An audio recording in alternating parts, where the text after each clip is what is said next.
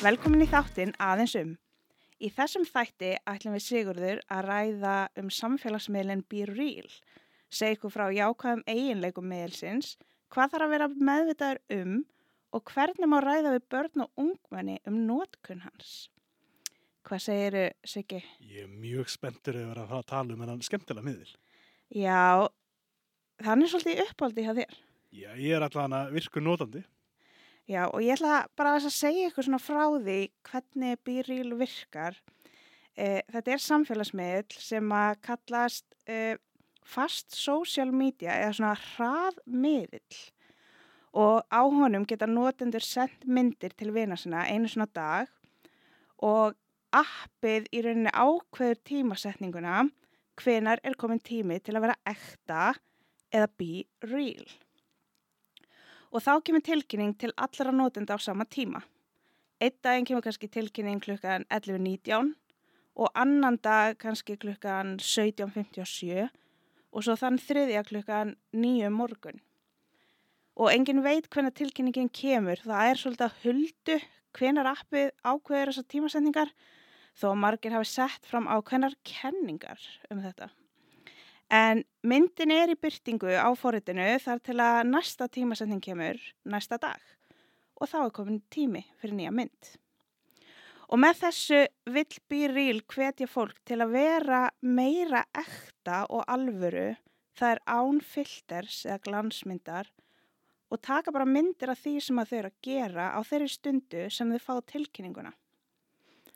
Og ef við skoðum smá dæmi, og setjum kannski samfélagsmiðlinn Instagram í samhengi við Bíril, þá get ég sem notandi á Instagram tekið upp efni og setja inn þegar ég vil. Ég tók það kannski á fymtudegi en setja inn á lögadegi og ég geti rítstýrt efninu, sett filter á breytt myndum, fyrta með lengdina og hljóðin og sett alls konar tákn og fleira. En á Bíril þá fæ ég ekki að gera það.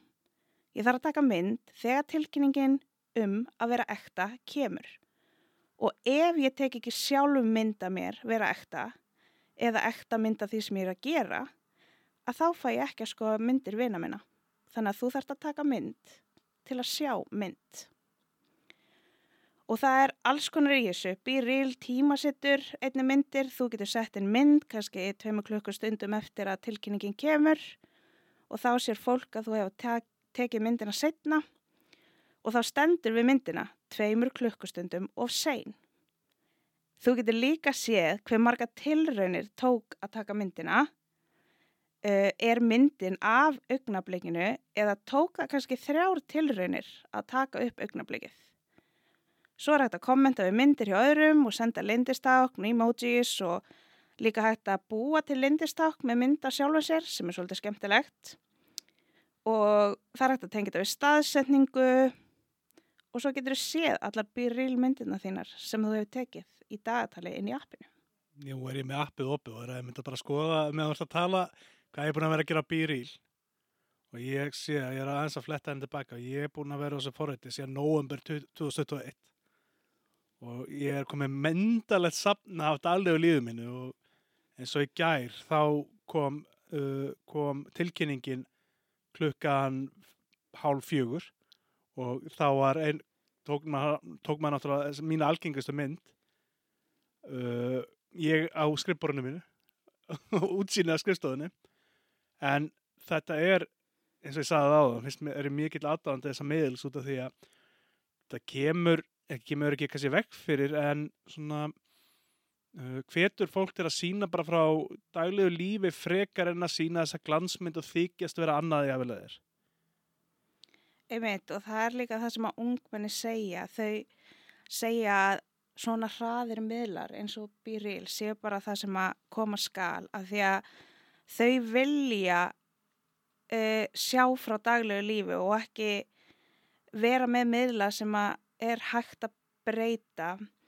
Uh, þau vilja til dæmis ekki, þeim finnst eiginlega pínu púkó að vera á Instagram það sem er hægt að breyta og vera bara endalust með glansmynd og já og á þessum miðlum er bara færri að gera lífsitt fullkomið og þeim finnst það betra og jákvæðara af því að það er svo mikil samanbyrður á þessum árum. algjörlega og kannski bara um þetta forrið þá í upphafi og raun og veru ennþá þá er það smá, þetta er lít, mjög lítið fyrirtæki sem að framleiti þetta app og sprakk svolítið til vinsældum sem þau réðu ekki við. Þannig ofta tíðum gengur erfilega að setja myndir þegar allir er að setja myndir á sama tíma. Uh, tilkynningarna geta ekki byrst stundum hjá sömu fólki og margt fleira en þó að þetta séu mun betur í dag þá er þetta ennþá mjög lítið fyrirbæri samanburðið við Instagram, TikTok og þetta. Þannig að margir gáðust upp á þessu í byrjun en þetta hefur náð maður myndi ekki að segja svona köld status svona, þetta er svona köld appið eh, meðal unglinga og fullurins fólks í það Já, allavega þeir sem að hafa þessa hugsun að vilja ekki reytstýra efninu og vilja ekki sjá efni frá öðrum sem að virkar reytstýrt að þeim finnst þetta þægilegt. Og þar komum við kannski líka að hérna uh, fear of missing out eða FOMO eða á íslensku ótti að missa af að því þarna sjáu þau bara daglegt líf hjá hvert öðru uh, maður er bara ofta að hanga heima kannski út að lappa með hundin læra, þrýfa borða, þú veist, bröð með osti en ekki alltaf bara á tónleikum og gera eitthvað skemmtilegt og alltaf út að borða á einhverjum flottum stöðum og eitthvað svona. Algjörlega og það er kannski, ef að við skoðum til dæmis bara Instagram, það sem að þar sjáum við bara þessa mynd, að allir að lifa einhvern stórkoslegu lífi, jável þó að sé auglýst að, að myndin og margir finna sig knúin, sérstaklega áhrifavaldar að posta hverjum einasta degi og eru jável að posta sagt, að eins og sé að gera eitthvað í dag en raun og veru mynd sem hann tekin fyrir einhverju síðan. Sérstaklega ef þú gerir, gerir eitthvað skemmtilegt til helgin en vinnur efnið eða kontentið uh, alla vikuna eins og sé að eiga stórglæsa þetta lífa hverjum degi og það hefur neikvað áhrif á okkur fullunafólkið og börn að vera alltaf að upplifa það að við getum ekki staðið samaburð við það sem við sjáum á samfélagsmiðlum. Þess vegna eru þessi miðlar eins og B-Reel og fleiri fast media að ná svona, ég myndi ekki segja að komast í tísku en eru að stækka hægt og rólega. Já, og þetta er náttúrulega bara jákvægt við þennan meðil að, já, að maður getur bara séð inn í daglegt líf fólks. En það eru alveg nokkri neikvæðir partar við þetta líka.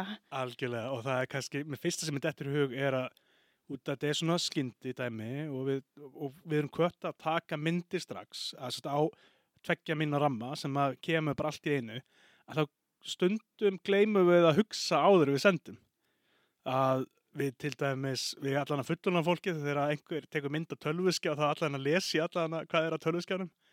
Þannig að og maður alveg sé dæmi erlendis frá að fólk sé að deila óvart mjög djúpum lendamálum sem að er á tölvuskjám eða, eða viðskipta lendamálum eða margt fleira, trúnaðamálum þannig að við verðum aðeins að hugsa áður við sendum og því miður eigustundum til að gleyma, það, og, gleyma því og ekki gleyma því að við þurfum að byggja um leiði þegar við tökum myndir af öðru fólki.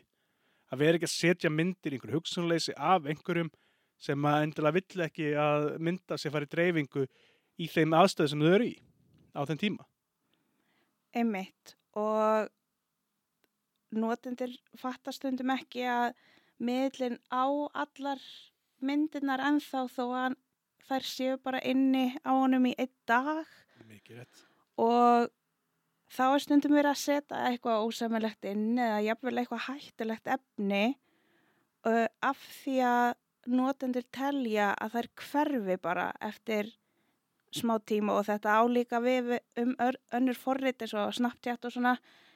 En þegar þú stopnar aðgang á sem miðli þá ertu í rauninni að fara að gefa honum allar myndirnar sem þú tekur Algjörlega og ég, ég til dæmis að er bara skoða núna að fyrsta myndið sem ég tók og allar myndið sem ég tekið get ég nálgað sjálfur þannig að það er eigðast ekkert. Þó að sjáist ekki á einhver fíti hjá einhver fólk út í bæ eða vinum mínum þá uh, er alveg sko þá er þessa myndir gemdar í gagnagrunni býr ríl Já, og um leið og þú setur inn mynd og íti kannski að dílit sjálfur að þá þarftu líka að muna að einmitt þær sapnast upp í gagnabanka um leið og þeim er hlaðið inn. En þú þarf líka að vita að það er hægt að taka skjáskot og það er hægt að taka skjáskot með mörgum leiðum. Og þó að Byrýl segi þér alltaf að það sé ef einhver tekur skjáskot af myndin sem þú settir inn þá uh, segir Byrýl þá að tekja skjáskot af myndinni og hver það var. En það er alveg nokkri tugir leiða held ég að því að taka skjáskot án þess að einhver verið var við það. Algjörlega og sérstaklega ekki tæknilega fullkomið forrið eins og býrýlir. Nú er þetta snart þetta alltaf að berjast við, berjast gegn því að það setja að taka uh, skjáskot án þess að fólk á tilkynningu en ég held að býrýl sé ekki komin lengur en það. Það sé gömlu klassísku leðinar til að komast í á því að fólk á tilkynningu gildi ekki ennþá þar. Emitt og það eru margar aðra svona tæknilegar, uh, hvað sem er, Já, maður svona þarf að þess að hugsa því að það er mjög, mjög auðvelt til dæmis að bæta ókunnum við á miðlunum og bara opna sér daglega líf fyrir þeim. Uh, appið sínir manni mjög marga sem að þekkir ekki og, og já, ungmenni er svolítið svona uh, nájuð eða svona yfir því að uh, þarna sé bara endalista fólki sem að geti annarkvæmt alltaf þeim eða þau geti alltaf óvart og þau veit ekkert hver þetta er. Þetta er svolítið opið forrið, til dæmis allt sem ég set inn fyrir inn á eh, svona, þetta er Discovery, það sem að maður sér bara ókunni fólk hvað þau eru að gera og hvað er að setja inn. Og maður sér oft sérstaklega ef maður uh, setur myndin of seint, þá getur hún lifa svolítið lengi í Discovery efst Þannig að við verðum að vera vakandi við því að vera ekki að deila við komum personaupplýsingum. Nú er ég að, um, það er ömulegt við erum að tala um þetta, ég er núna bara í símanum að fletta. Þannig til dæmis bara, fyrsta sem ég sé er að hérna er einhver texti á, á tölvu sem að ég veit endur ekki, þetta er á tungumálu sem ég skil ekki hvort það sé eitthvað svona viðkvæmt. En mm -hmm. við mhm. verðum aðeins að hugsa um þetta áður við sendum. Já og það er hægt að stilla á private en maður getur tekið af, maður getur tekið af við hverja mynd, maður getur ákveðið við hverja mynd hvort hún vilji, hvort maður vilji hún fara á flug um allan heim. Algjörlega. Um, og það, það er grunnstillingin hún fari heim, á flug heim, um allan heim, þannig að við þurfum að slökka á því. Já, við þurfum að passa það sé á mm -hmm. private. Hún sé til dæmis bara hérna er fjárragsáallin sem er bara fyrir augum allra. Það er, þetta er, þetta er alveg magna hvað fólk stundum hugsaður ekki hvað er að setja út í heiminn. Já, ég heyrði svona á, áhugaverðan punkt frá ungmennum þar sem að þau voru svolítið að segja, þau vilja náttúrulega fá leiðbenningar og, og svona, en stundum verðaðu bara svolítið æsti verið öllu svona nýju og einhverju skemmtilegu eins og byrjil mm -hmm. sem að er, þú veist, kemur þessa tilkynningu og maður á að vera ekta og eitthvað og, og gleima svolítið þessu bara af hverju er ég að taka mynd og allt í henni er ég búin að taka mynd af einhver fólki og ég er ekki búin að spyrja um leiði og mm. þannig að maður þarf svona Já. aðeins að Algjörlega. hugsa. Gleima sér í æsingnum og þetta er alveg, þetta er æsingur og ég var nú bara upp í upp í Háskóla Íslands um daginn það sem að, einmitt poppaði hljóðu og þetta er mjög sérstatt hljóð sem kemur og maður sá bara svona alla, eða svona helmingri í salnum greinlega fatta að það var komið bílnótifikis og kom svona skvaldur yfir hópin svona, og svona fólk var svona að reyfa sig, var ekki að taka myndir en það var svona augljóst að, að svona helmingun á hópnum var, var af svona 200 manns, var mjög var við þetta og átt að sjá því að bíl var komið þannig að það var svona hafði eiginlega áhrif á tíman sem var í gangi. Bara svona fólk var að reyfa sig meira og svona ég er að missa bíríl svona allt einu svona óþægindi líka við. Já, það er alveg áhugavert að skoða svona bíríl hegðun og bara hvort þetta byrtist á ákveðnum stöðum í samfélaginu Algjörlega, á þeim tímum sem að tilkynningin kemur. Og þetta kom nefnilega bara mjög óvart að vera í 200 manna fyrirlestrarsal og sjá svona marga og ég held að það var ekki það margir á þessu. En það sá maður hann að bara þetta var fólk alveg bara svona, svona fólki kringum 20-30 ára var bara svona, svona greinlega með á nóturum að hann hafi komið byrjil tilkynning. Já, en ef við ræðum aðeins svona hvernig á að tala við börn og ungmenni um þetta, Ég held að þurfi sérstaklega að ræða kannski pressuna uh, um að vera með á þessu. Bæði sko þó að þetta eigi að stöðla því að óttin við að missa af sé ekki lengur að þá er þetta samt að koma með smá ótta um að missa af en maður vill kannski ekki taka mynd Mm -hmm. en það er press að taka mynd til að sjá aðra myndir og maður getur að missa af eðlilegu lífi hjá öðrum Mhm. þannig að það þarf að ræða þá pressu um að maður þarf ekki að vera með þessu maður þarf ekki einu sinni að vera á þessum miðli þó hann sé nýr og maður ekki sé að tala um hann. Og bara hvetja krakka sérstaklega líka sem er á þessu þá er unglinga sem er komið aldur til þess að vera á þessu uh, sem er í dag 13 ára aldurstakmarka á, á miðlunum að þau þurfu ekki að vera þau þurfu ekki að skamma sín ef að þau ná ekki innan tímamarka þess að tvekja mínuna og vera ekki að taka myndir í aðstæðum sem er kannski ekki viðandi að taka myndir eins og ef að það til gott dæmi ef að þau eru í jarðaför það ættu kannski bara að býða í hálftíma, klukkutíma og taka það býri yli þá. Þannig að við þurfum ekki að láta uh, tilkynningu stjórna líf okkar og bara á þau átti sig á því að það er í lægi að, við, að svara ekki strax að það ekki minn strax. einmitt eins og við höfum oft talað um eða við tölum bara alltaf um í fræðslu við krakkana að eru það við sem erum að stjórna tækjanum eða eru það tækin sem eru að stjórna okkur? Og það er gott að útskýra þetta fyrir þeim. Uh, og svo útskýra bara hvað er jákvægt og hvað er neikvægt og hvað þarf að passa sig á eins og uh, það er til dæmis engin blokktakki. Nákvæmlega. ef að einhver er að reyna alltaf að vera vinnin, kannski einhver sem hafi verið áreitaði eða eitthvað, Mm að þá til dæmis á þessu forreiti þá hefur ekki tækifæri til þess að blokka þá mannesku. Hún er alltaf að poppa upp hjá þér. Þú þarf náttúrulega ekki að samþykja og það er, þú sýnir bara þeim sem að þú samþykir myndina þínar en þetta er samt svona áreiti sem að væri hægt að koma í veg fyrir ef að þetta forrið væri með blokktakka. Algjörlega. Og þetta er góðu punktur.